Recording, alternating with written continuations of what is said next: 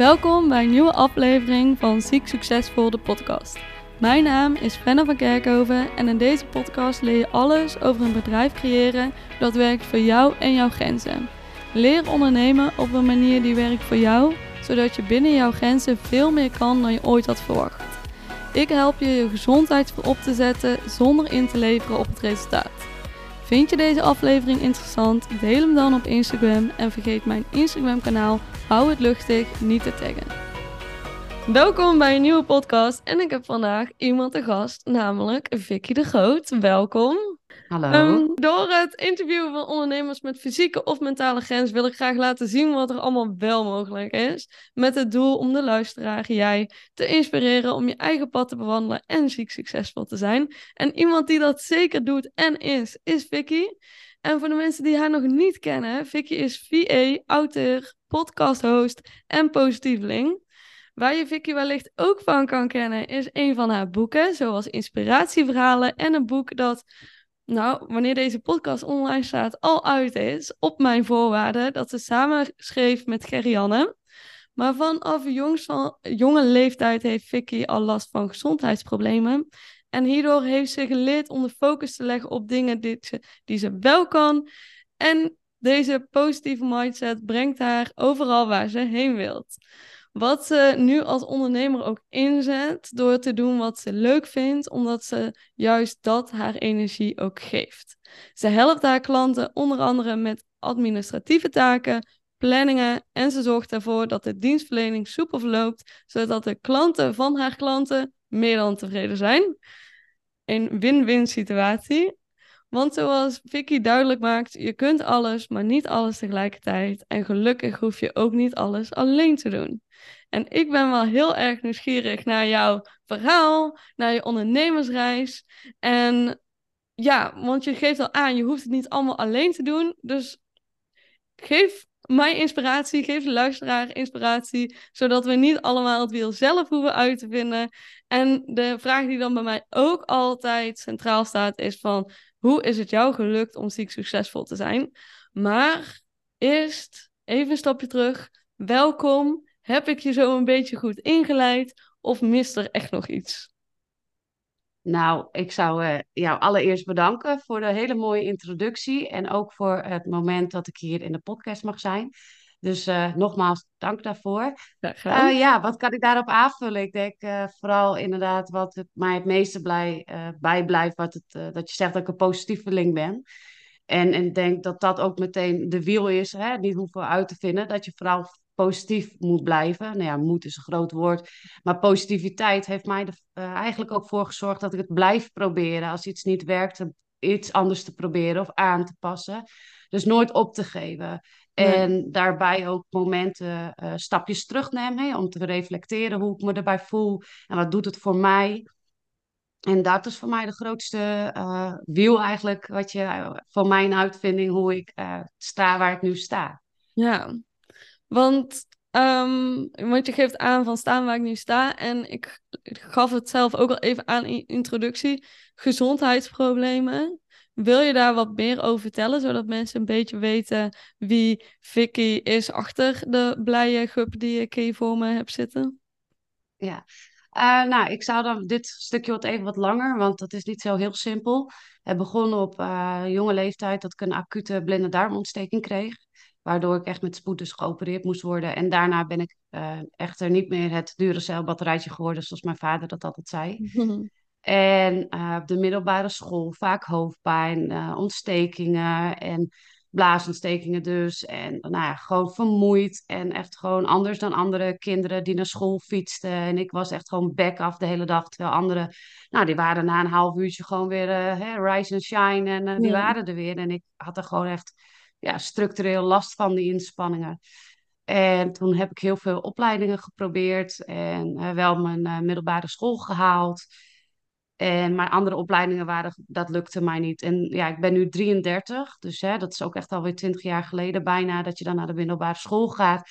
En als je dan een opleiding gaat doen, was het toch niet echt heel erg zo dat mensen rekening houden met jouw ziek zijn. Nee. En vooral omdat ik geen uh, diagnose had. Dus ja, je ziet het niet aan mij. Nee. Um, uh, Dus ja, natuurlijk zie je het aan mij als het slecht gaat. Maar als het slecht gaat, dan ben je thuis, want dan kun je niks. Nee. En dan ga je het ook niet doen, want dat kon ik niet. Dus dat was eigenlijk, als mensen me zagen, dan zagen ze alleen maar de goede Vicky. En dat was voor hun dus artsen ook heel erg lastig om daar een vinger op te leggen.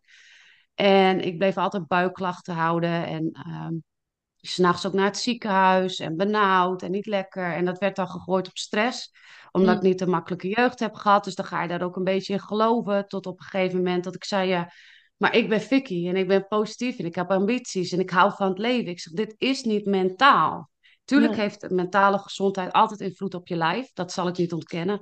Alleen, ook al had ik het goed, was ik happy, dan nog eh, waren de tussenpauzes, laat me zeggen, dat ik ziek werd, werden steeds korter. Mm. Dus als ik weer in het ziekenhuis kwam, zei ze, ja, we weten het niet. Nee, eh, op het moment dat het naar de dokter ging, niet goed ging, dan kon ik over drie weken terecht bij het ziekenhuis. En dan had ik al rust gehad en dan ging het weer goed. Dus Ja. dan was het ook allemaal goed. Dus op een gegeven moment eh, wel naar een psycholoog geweest, naar een psychiater en al dat soort zaken. En ja, daar kwamen ze eigenlijk ook wel op uit van ja, maar dit is niet mentaal. Hè? Dit Nee. is niet jouw klachten, zijn daar niet op te duiden.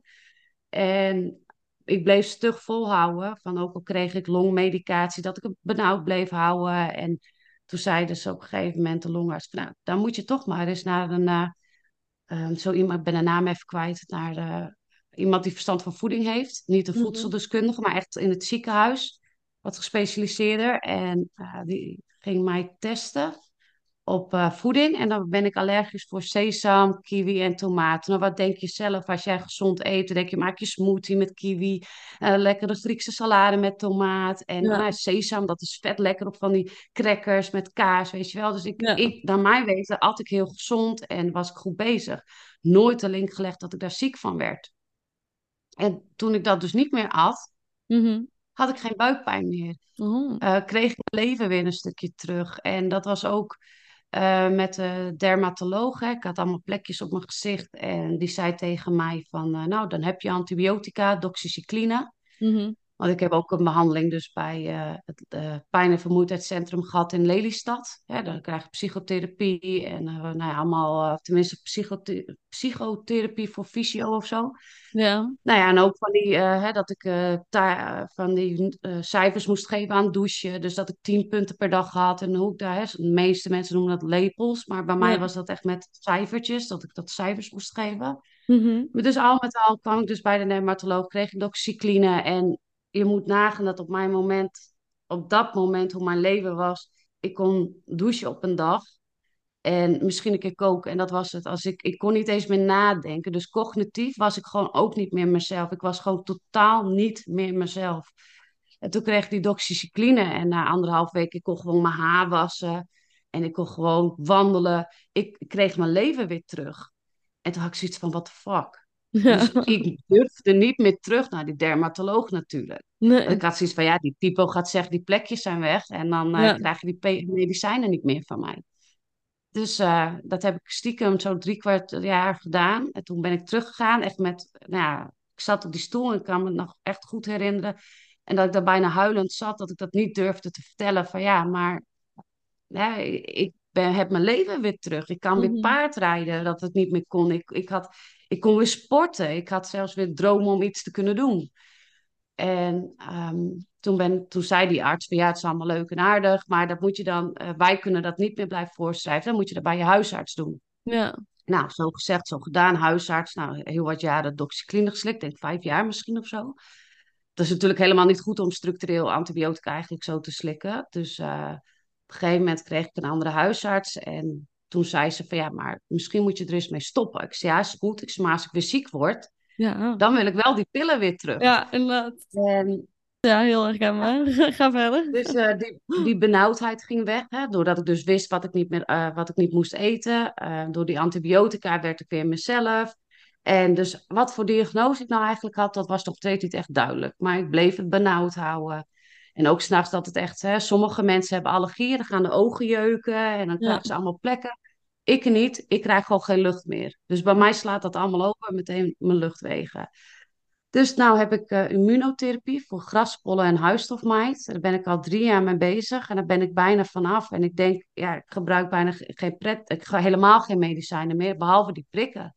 Dus eigenlijk een diagnose, ja, allergie en voedselintolerantie. En als je daarna gaat, dat ik daar zoveel jaren last van heb gehad, Ja. wel ze het bij mij op mijn mentale gezondheid hebben gegooid. En ehm, dus eigenlijk geen diagnose, maar ik heb wel een klacht ingediend tegen mijn internist. Want mijn internist had eh, gezegd tegen mij: Ja, maar Vicky, misschien zit het wel tussen je oren. Nou, ik was zo kwaad. Oh. En uh, dus eigenlijk sinds dat het beter ging, toen ben ik gaan ondernemen. Toen had, Ja. had ik het een beetje een plekje kunnen geven. En toen ben ik teruggegaan naar die arts. En heb ik ook gezegd van, joh, kijk maar nu hier zitten. Ik zeg, Mhm. als jij had getest op voedsel, voeding, dan Mhm. had ik, was, ik ben gewoon nu 14 jaar van mijn leven kwijt geweest. Alleen maar door verdriet, spanning en al die dingen eromheen. Ik ben gewoon mezelf volledig kwijt geweest. Ja. En ehm, daar heeft ze ook haar excuses voor aangeboden. Ze zei ook van ja, ik zie het ook inderdaad. Wat je toen ook al zei, het staat ook hier in de rapportage van dat je je ook totaal er niet in herkende. En dat je ook eh, echt wel een beetje eh, ontstemd was. Dus, dus dat was ook een stukje verwerking voor mij. Dat ik dat eh, vorig jaar nog heb gedaan om dat echt af te sluiten. Ook Mhm. Voor andere mensen, een andere fikkie die daar komt. En die ook Ja. zegt van ja, maar hallo, eh, weet je, ik ben ambitieus en het ligt niet hieraan. Dat die ook gehoord worden. Want dat vroeg ze ook aan mij van hoe kunnen we, hoe kunnen we dit dan veranderen? Ik zei, nou, als iemand hier komt, vragen van hè, voeding, eh, hoe dat zit. En anders daarop laten testen. Ja. Ik zei, ik ben gewoon, eh, dus ja, dat heeft mijn wereld veranderd. Gewoon andere voeding door te weten waar ik op reageer. En mijn allergieën behandeld. En ehm, daarnaast eh, bleef ik pijn houden in mijn lijf. In, Mhm. mijn, eh, in mijn handen, in mijn rug, in mijn benen. En twee jaar geleden, toen was ik ook al ondernemer, twee jaar geleden was het zo erg dat ik weer terug naar de huisarts ben gegaan. Dat wisten ze allemaal niet. En nou bij een andere arts geweest, een reumatoloog. En die zei tegen mij, ja, je hebt fibromyalgie, ga elke dag maar blowen. Elke dag een jointje roken. Nou, toen ben ik voor een second opinion gegaan. En die hebben foto's gemaakt van echt van mijn punt van mijn hoofd op mijn staart, bonkje laten mezelf. Zelf, nee, zelfs op mijn voeten, van mijn enkels, mijn knieën en alles. En eh daar kwam uit dat ik slijtage in mijn eh, handen heb, hè, in mijn polsen en mijn vingers. En slijtage in mijn heupen en scoliose. En dat er dus bijna geen kraakbeen tussen bepaalde botjes zit in mijn rug. Mhm. Dus voor mij was dat echt zo van, kijk, weet je, het zit echt niet tussen mijn oren. En als ik die pijn heb, dan is dat niet dat ik me aanstel. Nee. Dus ehm, die diagnose heb ik toen gekregen eigenlijk van eh fibromyalgie. Maar eigenlijk weten ze niet waarom ik eh, die slijtage heb. Want ze zeiden, ja, Ja. op jouw leeftijd dan kan dat eigenlijk helemaal niet. Nee.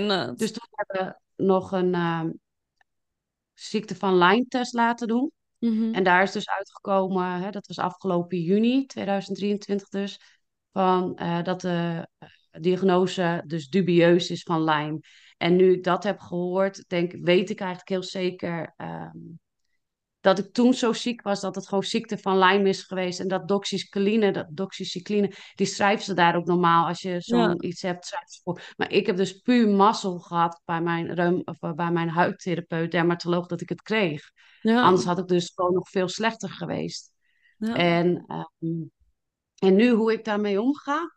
Ik, eh, ik heb ook niet op mijn pagina staan wat voor diagnoses. Want eh, hoe moet ik dit ooit in eh, drie, hoe moet ik dit ooit omschrijven? Allergieën, fibromyalgie, dubieus ziekte van Lyme, slijtage. Wat moet ik zeggen? Ja. Ik ben gewoon fit.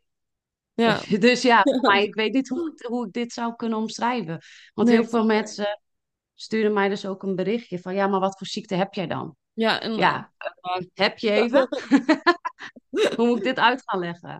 Ja, nee, dat snap ik wel. Want het is ook best nog wel veel. Sowieso heel veel is er gebeurd om elke keer weer een stapje dichterbij te komen. Het is niet, je gaat naar de arts en hier heb je diagnose. Maar daarin zijn ook gewoon verschillende jaren overheen gegaan. En ook nog iets wat nog zo recent is van afgelopen jaar. Dus je bent er eigenlijk ook nog steeds mee bezig met dat onderzoek van... hé, hey, wat, wat gebeurt er allemaal?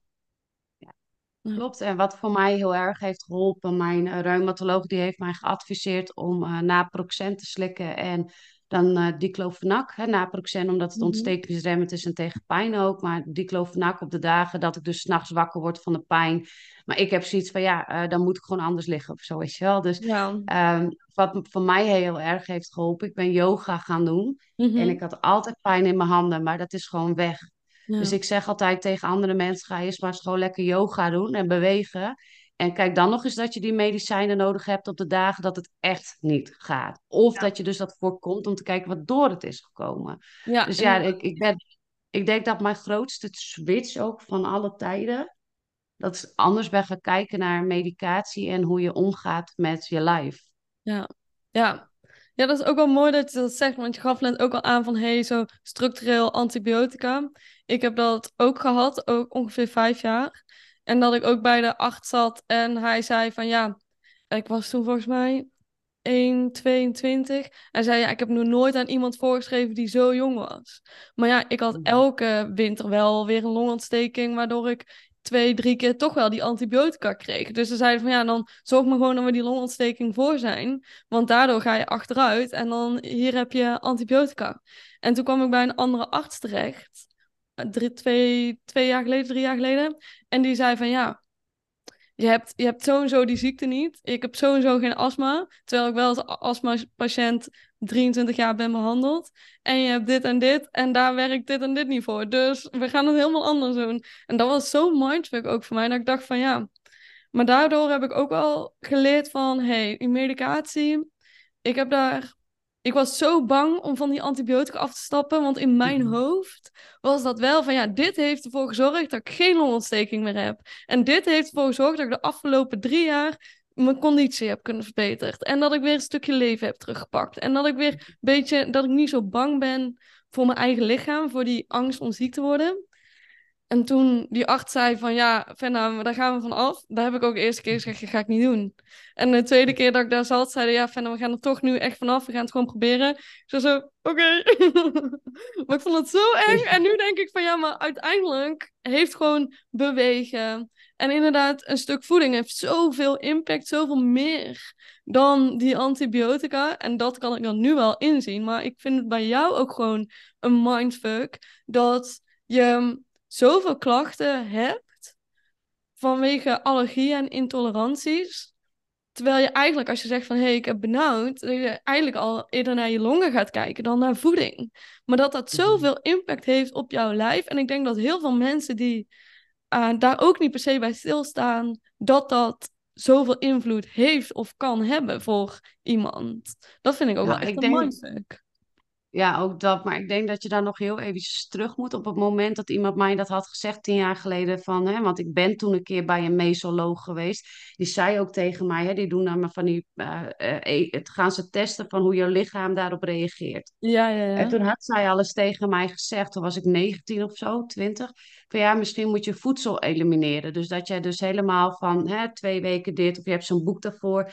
En dan kun je het gaan proberen. Maar dan ben je 19. Weet je, dan denk ik, doe eens normaal. En dat, dat, dat is voor mij mijn nou, grootste fout, niet, maar mijn grootste leermoment van, van toen naar nu. Dat ik toen echt zoiets had van, ja, maar dokters en uh, ziekenhuizen maken mij beter. En daar zijn ze ook voor, hè, in principe. Ja, maar ik, ik ben nu wel zover van, als ik toen had geluisterd naar die mesoloog, dus een alternatieve geneeswijze, die mm zei, kijk naar je voeding, van laten we dat eens doen. Want zij zei al, want ze ging ook hè, antidepressiva stofjes, allemaal dingen testen. Zei dat dat is bij jou helemaal niet te sprake. Het is bij jou voeding. En ik denk, voeding, ik eet gezond, weet je. Dus ik heb het gewoon in de lucht gegooid. En uiteindelijk, ik, ik, kwam haar laatst tegen, die vrouw, in de sauna. en uh, toen heb ik haar uh, gezegd van, uh, ik had beter naar jou moeten luisteren. Ik zeg, maar jou, jouw werk is echt heel waardevol. Ik zeg, en ik heb er echt spijt van dat ik er niks mee heb gedaan. Want je hebt wel gelijk gehad. Ja, dus, ja. Uh, ja. Oh ja, wat mooi dat maar je dat... sta je dan niet bij stil. Nee. En je wordt, ik, daar kan ik me ook aan herkennen. Voor sommige dingen ben je ook gewoon niet klaar om... Je zit gewoon op een bepaalde pad en je hoofd zegt van... Dit moet het zijn of zo wil ik het hebben. Je bent ook niet altijd klaar voor een verandering of om echt naar te luisteren. Daarin groei je natuurlijk ook wel weer en je leert. En mensen vinden dat ook vaak eng, want ze denken van een pilletje maakt, hè, dat heb ik zelf ook jaren gedacht, een pilletje maakt mij beter, een pilletje maakt mij beter. En nu slik ik helemaal niks en ik ben beter. En dat is niet gekomen omdat ik al die pilletjes eh, allemaal heb geslikt. Ik had serieus, hè, dan lag ik in het ziekenhuis en dan wisten ze niet wat ik had. Kwam ik met twee tassen kwam ik weer naar buiten. Had ik poedertjes voor mijn, voor mijn darmen. Had ik een maagbescherming. Had ik zetpillen voor de misselijkheid. En eh, dan had ik allemaal crèmpjes en dingetjes. Ja. Weet je, ik had van alles. En die vriend van mij zei: Maar wat is dan je diagnose? Ik zei: Ja, dat weten ze niet. Maar ik had wel Ja. twee tassen vol met pillen en crèmpjes en Ja. poedertjes en weet ik het. Ja, Dus gek. ja, en dan om, om de goede switch te maken, hè, omdat ik dus een gegeven moment eh, wel weer kon werken. Omdat ik dat Mhm. zei met die doxycline, ik kon weer paardrijden. Dus ik denk, nou, het eerste jaar heb ik echt superveel genoten dat ik mezelf weer was. Dus ik heb niet Ja, gewerkt. ik. Heb eh, wel altijd vrijwilligerswerk gedaan om ervaring op te doen. Maar ik heb dus echt eh, paardrijden gedaan. Ik ben weer gaan sporten. Dus eigenlijk Mhm. dat soort dingen. En toen ben ik gaan, een opleiding gaan doen. Nou, die, dat was een eenjarige opleiding. En nou, dat was echt weer hakken over de sloot en weer over mijn grenzen heen gaan. Nou, toen had ik een vast contract gekregen. En eh het jaar erop werkte ik 16 uur in plaats van 24. En 8 uur eh, ziekteverlof, omdat ik dus met die behandeling van die prikken begon. Mhm. Nou, daar word je gewoon heel ziek van. Ehm, en toen op een gegeven moment, eh, na een jaar, zei het, kreeg ik een brief, we gaan eh 70% van je loon uitbetalen. En toen had ik zoiets, ik ga niet, ik ga niet weer die strijd aan, weet je, ik heb daar geen zin in. Nee, snap ik. Ehm, nou, toen kreeg ik eh, die brief van 70% van mijn loon en daar werd ik dus zo gespannen van. En toen ben ik naar de bedrijfsarts geweest en die zei tegen mij dat ik gewoon weer aan het werk kon. Mm. En toen ben ik in de auto gestapt, heb ik mijn teamleider gebeld. Ik zei van ja, maar het is nu echt klaar, ik kan helemaal niks meer. Nee. En toen zei vriendin van mij van waarom ga je niet ondernemen? Ik zei ik onderneem. Ik zei wat moet ik dan in godsnaam doen? Ze zegt ja, maar je maakt voor mij toch ook de planningen en de facturen en je regelt altijd al- alles. Ja. Dus ik zei ja, let's do this. Weet je, dus Nou. ik, ben, eh, ik heb daar niet heel lang over nagedacht. Want heel veel mensen die gaan oh, over allemaal paniek. Nou, ik Ja. niet. Jij, maar ja, ben je zag het dan wel gewoon echt als een legit uitweg van hey, dit is gewoon, hier kan ik echt iets mee. Nou, het, wat ik dacht was van als ik ehm, ontslagen word op den duur, dan krijg ik ook een uitkering. Dan kom ik ook in een bijstand. Ja. Als ik ehm, eh, ga ondernemen en het is niks, kan ik ook weer naar de bijstand. Ja. Dus voor mij was het zo van ja, eh, als ik de ene optie blijf, dan kom ik in de bijstand. Als ik deze optie probeer, kan het ook gebeuren. Dus laat ik het gewoon proberen. En zo heb ik gewoon eh, meteen een website gemaakt. Dat, ik ben best wel, ik leer best wel snel, dus dat is mijn Mhm. voordeel. Dus een eigen website gemaakt met, een, eh, met reviews en diensten, prijzen erop. Wat ik zelf, hè, een website maken wat je zelf ook zou willen zien. Mhm. En eh, nou, reviews, omdat ik natuurlijk vrijwilligerswerk had gedaan. Dus ik had Ja, wel eh, inderdaad. websites van mensen bijgehouden en ook wel projecten begeleid. En dat, dus dat kon ik mooi eh, erop zetten. En zo ging ik erover praten. En eigenlijk is het, ging het zo snel dat ik binnen drie maanden ontslag kon nemen. Oh, wat lekker. Dus eh, dat ging heel snel. Ja, wat echt lekker joh. Dat je daarin ook gewoon die stap meteen zet. En dan inderdaad gewoon reviews vanuit van alles van je vrijwilligerswerk en zo gewoon gebruiken en gaan vertellen. Ik, mensen vragen dan wel, ja, hoe kom je dan aan die eerste klant? En dan zeg, geef ik altijd als tip, ga delen dat je bent begonnen. Ga delen waar je mee kan helpen. En dan via via krijg je wel die eerste klant. Was dat bij jou zo ook gegaan? Nee, ik had eh, tenminste hè, de- een vriendin van mij die werd klant. En daarna een vriend van mij.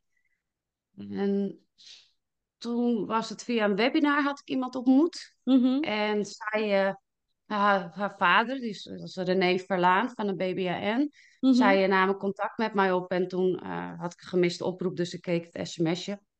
Ja, zou je mij willen bellen? Groeten, René Verlaan, BBAN. Dus ik ging googlen, BBAN. Ik denk, dit is best wel een, een groot iets, weet je. Dit is Ja. niet eh, kattenpis of zo. dit valt niet mee. Dus ik opbellen. En dan waren ze op zoek naar een VA voor vier uur per week.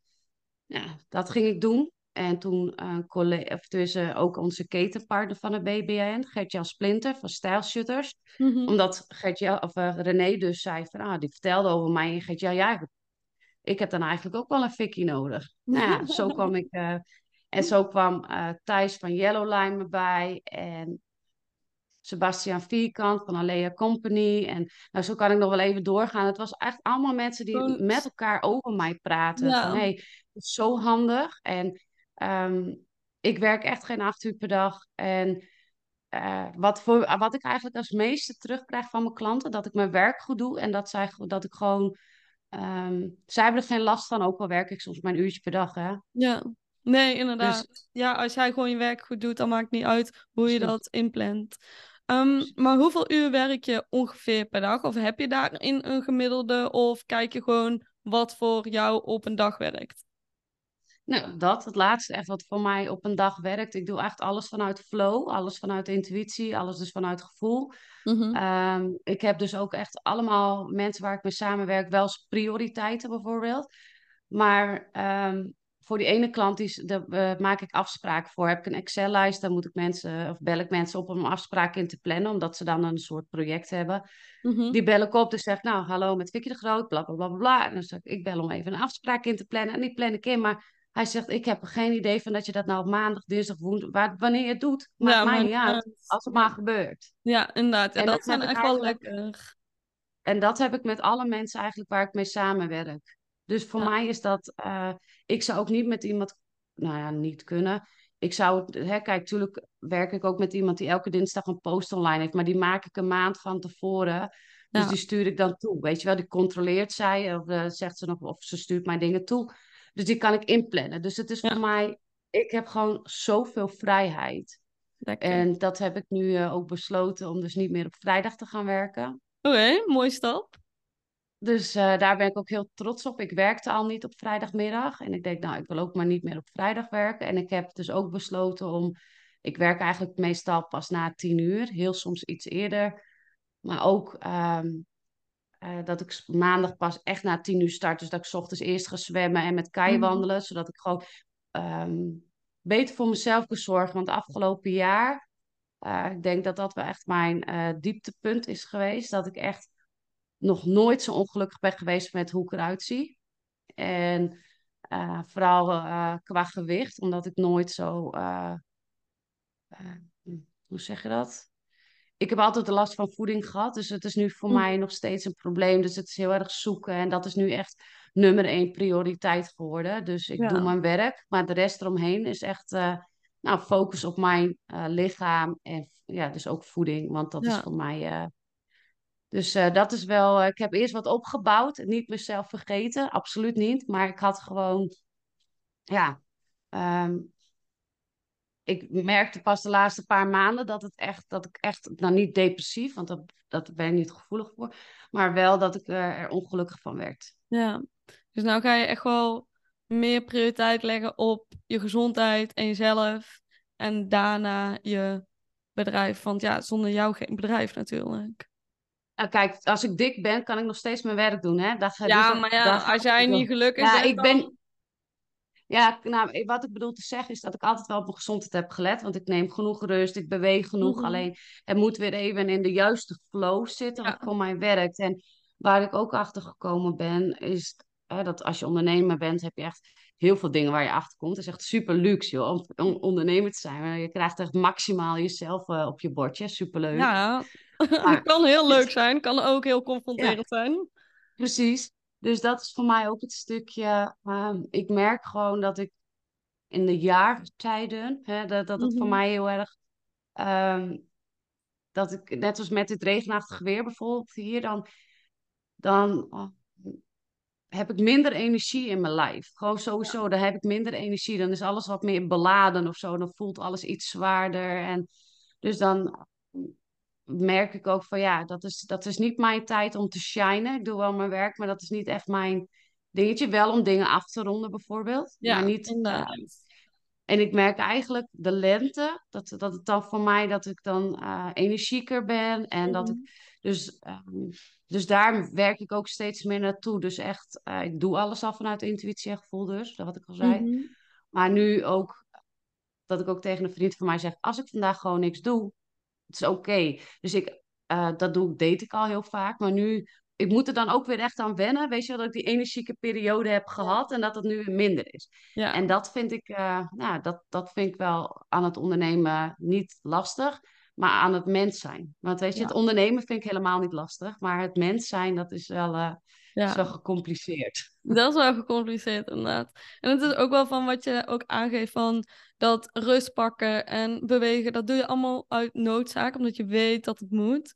Maar dat stukje zwemmen en die maandagochtend uh, vrij pakken en die vrijdag vrij pakken, dat is gewoon voor jou. En niet per se omdat je lichaam dat eist. En ik merk bij mezelf Mhm. wel heel erg om die balans, dat is dus best wel ik heb ook altijd gedacht van, oh ja, ik neem genoeg rust, dus uh, komt goed, weet je wel. Maar dat deed ik altijd omdat ik het wel moest. Maar ik deed nooit iets omdat ik het echt zelf wilde. En dat ben ik de laatste jaren ook wel meer gaan toepassen. Om gewoon echt vooral dingen ook te gaan doen die ook wel goed zijn voor mijn lijf en voor mijn gezondheid. Maar niet alleen maar uit noodzaak. En daar zit ook wel een groot verschil in.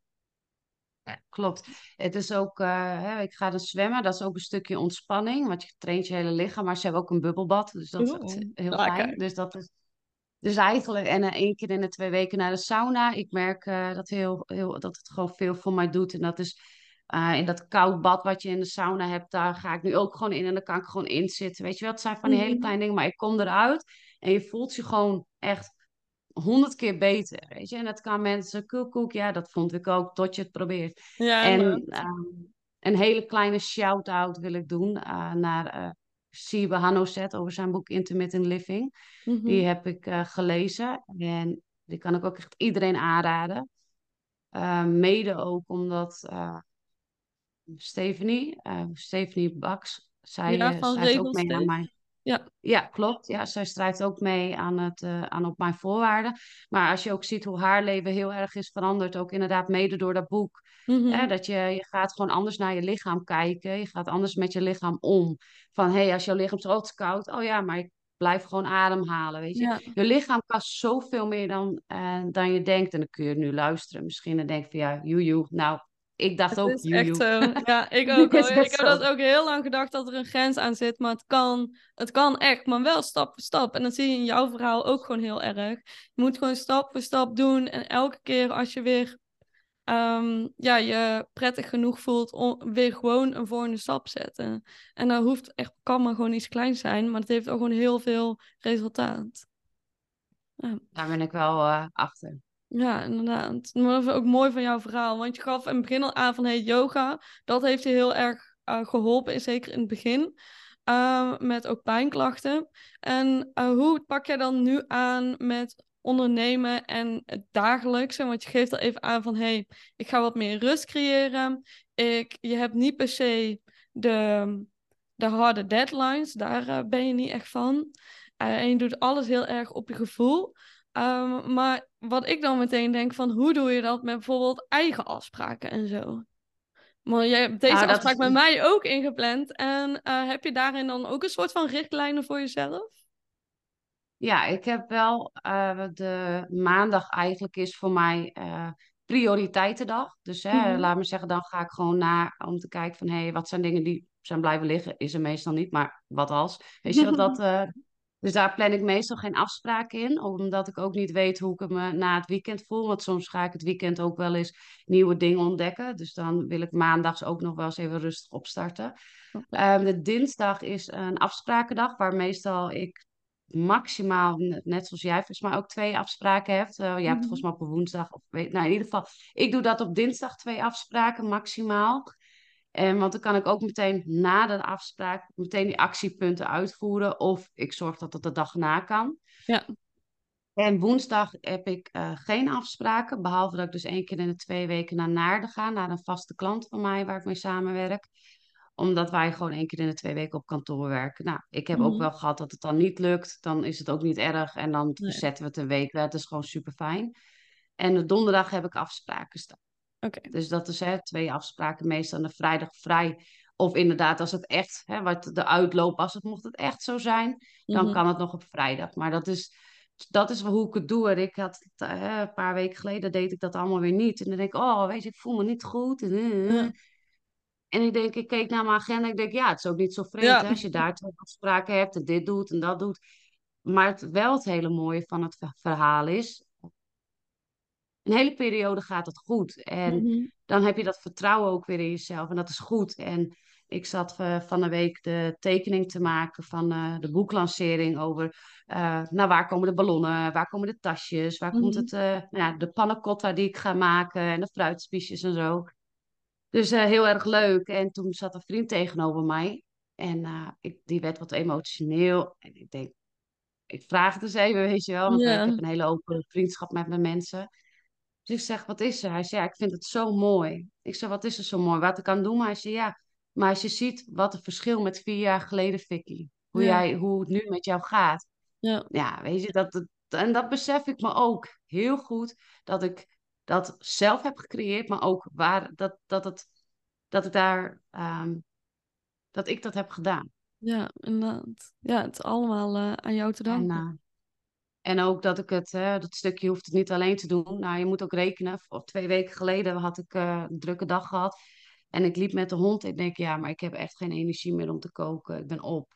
Dus Ja, dan bel ik hem op en eh, zeg van, kun je alsjeblieft eten komen brengen? Hij ja, zegt, tuurlijk. Dus het is niet zo dat, ook al ben ik nu ziek succesvol, zoals je dat leuk zegt, eh, dat ik nooit hulp vraag. Weet je? En dat zo zal mijn leven ook nooit zijn, want ik ben nou eenmaal een persoon dat van het leven houdt en soms wel net erachter komt van, oh ja, het was niet zo handig. Ja, ja, dat, dat blijft ook, dat blijft Ja, ook gewoon. En dat zorgt er ook al voor dat het ook gewoon leefbaar blijft. Want anders ga je jezelf ook klein houden daarin, ehm, denk ik zelf. En je gaf aan het begin al even aan, ambities. Ambities zat. Je hebt het woord een paar keer laten vallen. Maar wat zijn jouw ambities? Nou, dan zit je er klaar voor. Ja, kom maar door. Nou, ehm, wat ik al zei, ik ben heel erg eh, blij met alles wat ik doe en dat ik daarmee anderen kan inspireren. En dat is ook mijn eh, passie, allergrootste passie, om anderen te inspireren. Dus inderdaad op je eigen voorwaarden te leven door, eh dus in inspiratieverhaal, door de boeken, door de cursus, door de handout, daar vertel ik straks meer over. En over alle afvolgende boeken. Mhm, En een van de ambities is ook de derde boek, dat wordt een creatief boek. Dat doe ik samen met Esti. Dus dat, eh, hè, dan ga je ontdekken wat je materialen, of dat je schrijven, of allemaal andere dingen. Dat is hartstikke leuk. Maar het vierde boek, dat gaat over yoga en ayahuasca en Wim Hof en mhm, alle andere mensen, eh, waarbij je dus eh, kan ontdekken wat wij zelf heel goed kunnen als mens. Dus ons mhm, eigen lichaam, ons eigen mindset, dus ons eigen ik. Dus mhm. daar, dat is echt een hele grote ambitie om dat aan meer mensen te laten voelen, proeven, ervaren.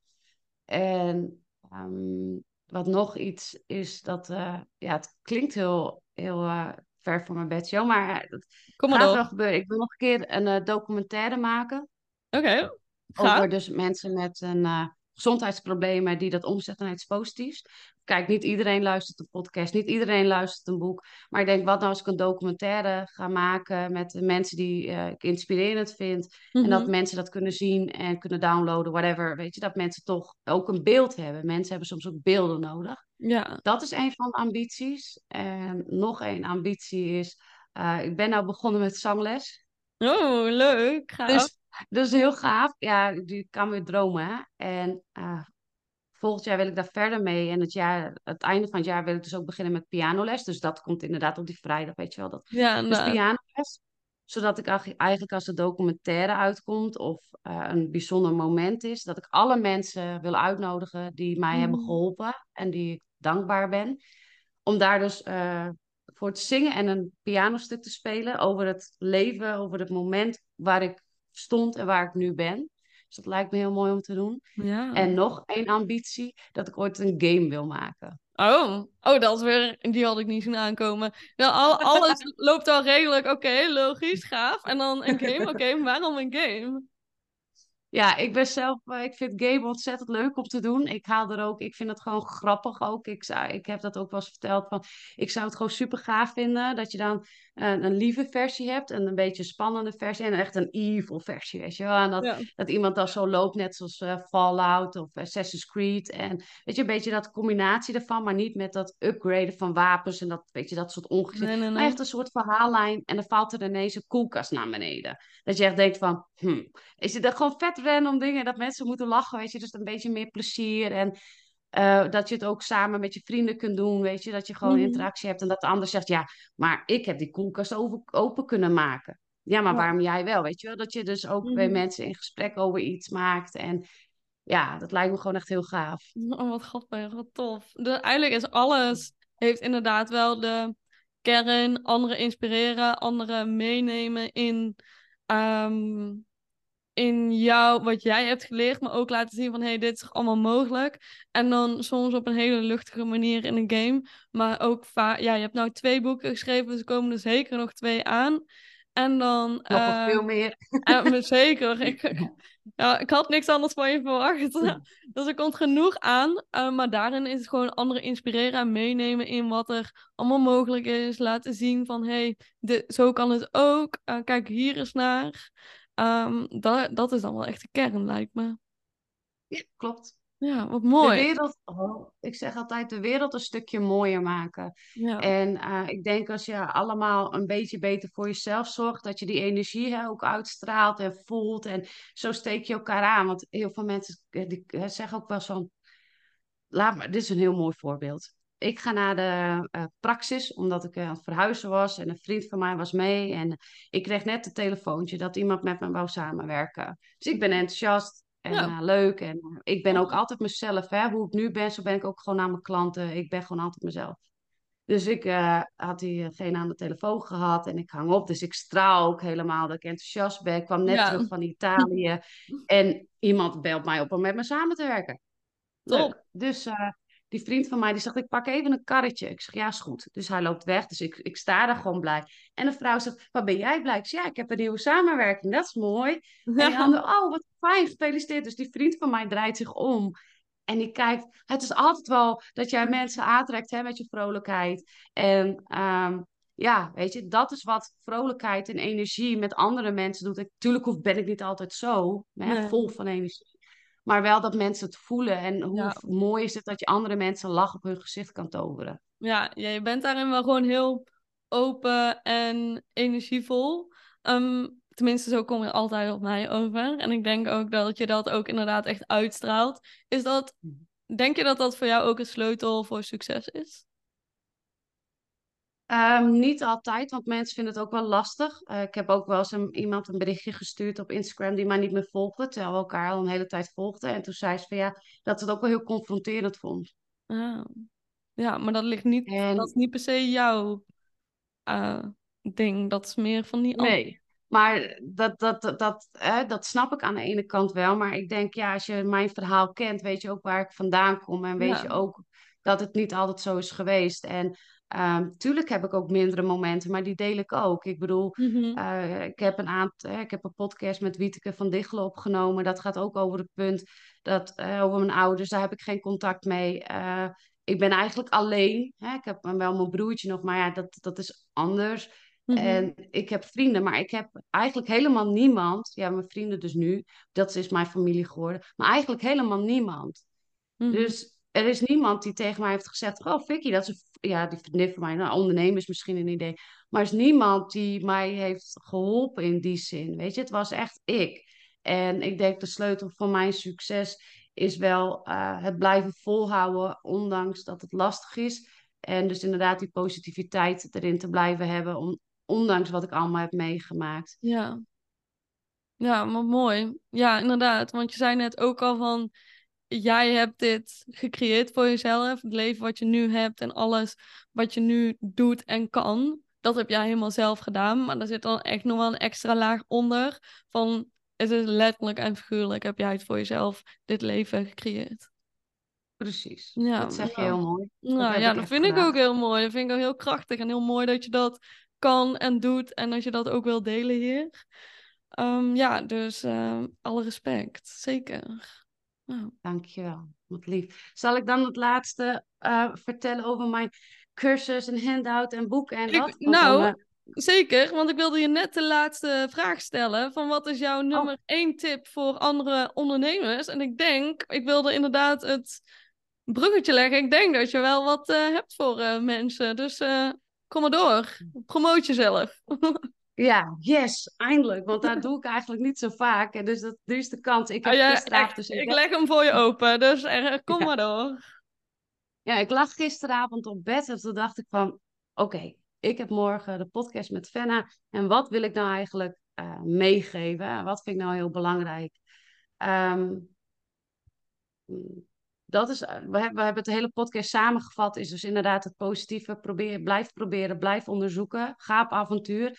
Wat mijn badass ik uh, ging schilderen. Uh, ik heb best zangles gaan nemen. Weet je, doe iets wat je gewoon nog nooit hebt gedaan. En eerst is het, laten we zeggen, bij die zangles ook. Ik zat daar. En toen ging ik zingen en toen zei ze, nou, dat klinkt niet slecht. Toen dacht ik, oh, weet je, dat, dat valt nog mee. Ik denk, die doet meteen haar uh, oordoppen in. Dus dat eigenlijk, ga op avontuur. Probeer nieuwe dingen uit. En het hoeft niet meteen gerelateerd aan werk te zijn, weet je. Maar misschien ontdek je juist wel wat juist bij je past. Dus dat uh, vooral, ga gewoon lekker dingen doen die je nog nooit hebt gedaan. Al is het schilderen, denk je, ja, joe, ga ik niet doen. Ga eens die koude douche nemen. Ga eens een keer met iemand in gesprek die je nog nooit hebt gezien in het echt, weet je. Uh, ga er eens heen. Of, je doe gewoon nieuwe dingen. Kan jou het schelen. Ik bedoel, Weet je, als je zelf in dat kleine bubbeltje blijft, wordt het bubbeltje ook niet groter. En hoe meer jij je laat zien, dus door avonturen aan te gaan.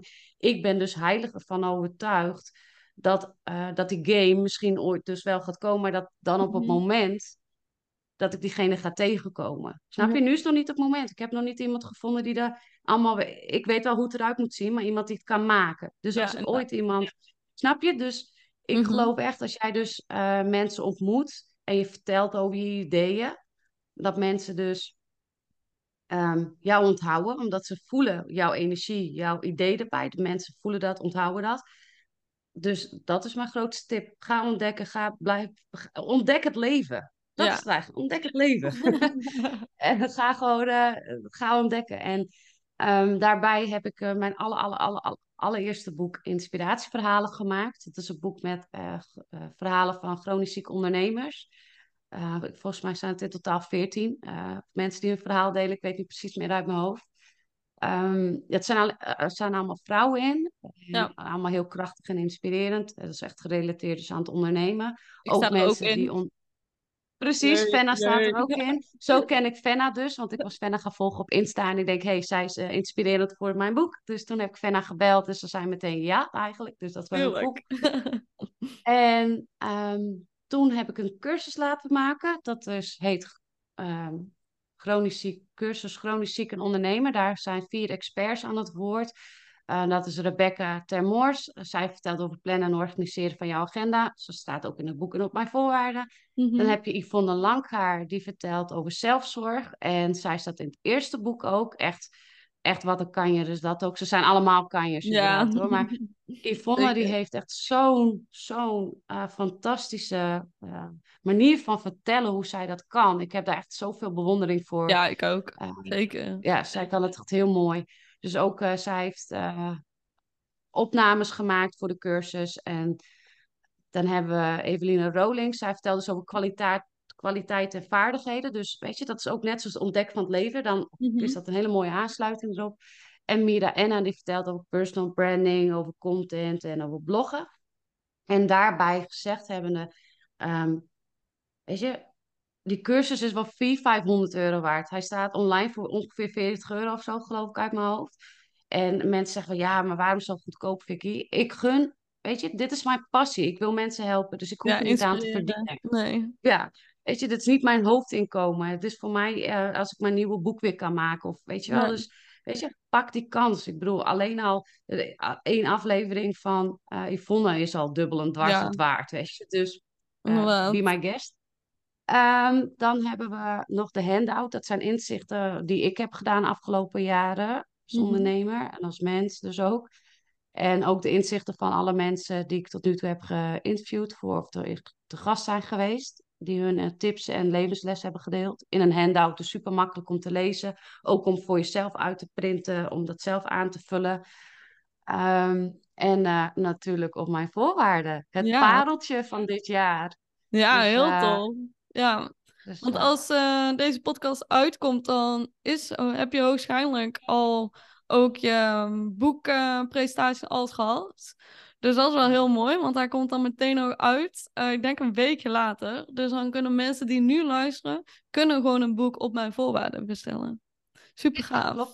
Ja. Dat kun je doen op www.inspiratieverhalen.nl. Kan ook op, op mijnvoorwaarden.nl. Dat kan allebei. Maar inspiratieverhalen.nl heb je net wat meer opties. En ik heb wat nieuws. Je kunt tegenwoordig ook kassakoopjes toevoegen. Oh, kijk, netjes. Marketing. Dus. Ja, dus dat is echt super leuk. Dus ehm, ik wil eigenlijk een eh, blijvende korting aanbieden. Ehm, dat geldt niet op het boek op mijn voorwaarden. Dat Mhm. komt omdat ik die een samenwerking heb gemaakt. Dus daar komen geen kortings op. Maar wel op ehm, de, hoe zeg je dat? Op de cursus en op, op inspiratieverhalen en eh, de handout. Mhm. Dus ik, ehm, ja, wat zal ik eens doen? Wat is een mooi bedrag? Ik denk ehm vijf, nee, niet vijf. Ik denk 10 euro korting voor de cursus. Dus dat is Fenna 10. Gewoon kleine letters Fenna 10. Oké. En ehm, ja, ik denk gewoon alleen op de cursus. Want je krijgt ook korting op de rest als je, als je, dat, eh, als je iets koopt in ieder geval. Ja, Dus dat, eh. Oké. en cu- dat blijft geldig. En ik zal dit keer niet de cursus verwijderen. En het is heel simpel. Als je hem bestelt, je krijgt een e-mail echt met linkjes. Ja, wel netjes en mooi. En die Mhm. bewaar je en je hebt gewoon de rest van je leven toegang. Dus Oké, alsjeblieft. top. Oh, ik vind het helemaal leuk dat eh, ik ook een kortingscode heb nu. Fenna 10, super gaaf. Ik wil eigenlijk nog een toevoeging doen. Mag dat? Zeker, zeker. Kom maar door. Nou, ik eh, heb eh, heel leuk eh, iets al gedeeld op Instagram. Dat gaat over Kim Veenstra. Ze is model, maar zij is ook echt een enorme inspiratie op het gebied van hoe ze in het leven staat. Ehm, maar zij heeft dus op mijn voorwaarden ook ontdekt, mede omdat ik laten weten dat ik anderen wil inspireren. Zij heeft me uitgenodigd om mijn verhaal te doen. En dat gaat ze delen op haar social media. En dat is eigenlijk mijn vraag aan jou als luisteraar. Zou je willen, om anderen te inspireren, ja, deel mijn profiel. je mag mij gerust een berichtje sturen. En dat zou ik ontzettend leuk vinden. Want hoe meer mensen wij kunnen bereiken, hoe eh, mooier het is dat we straks allemaal iets meer in onze kracht staan. En eigenlijk allemaal, ehm, ja, hoe zeg je dat, Penna? Ja, dat je elkaar kunt inspireren en het wil niet allemaal zelf hoeft uit te vinden. Dat je leert denken in mogelijkheden. Zo noem ik het altijd. Top, Top. dankjewel. Eh Vicky, heel erg bedankt voor het delen van je verhaal, voor het inspireren van mijn luisteraars en ook gewoon voor je kracht en gewoon zijn wie je bent. Gewoon lekker positief, lekker jezelf. Dank je wel daarvoor. En ehm, ja, ik denk echt dat je heel veel waarde hebt gedeeld en mensen gewoon echt weer hebt geïnspireerd. En dat past gewoon helemaal bij jou. Dus dank je. Jij ook bedankt. Bedankt voor het luisteren. Als deze aflevering jou heeft geïnspireerd, laat me dan weten door een review achter te laten of door dit te delen op social media. En vergeet hou het luchtig niet te taggen. Tot de volgende keer.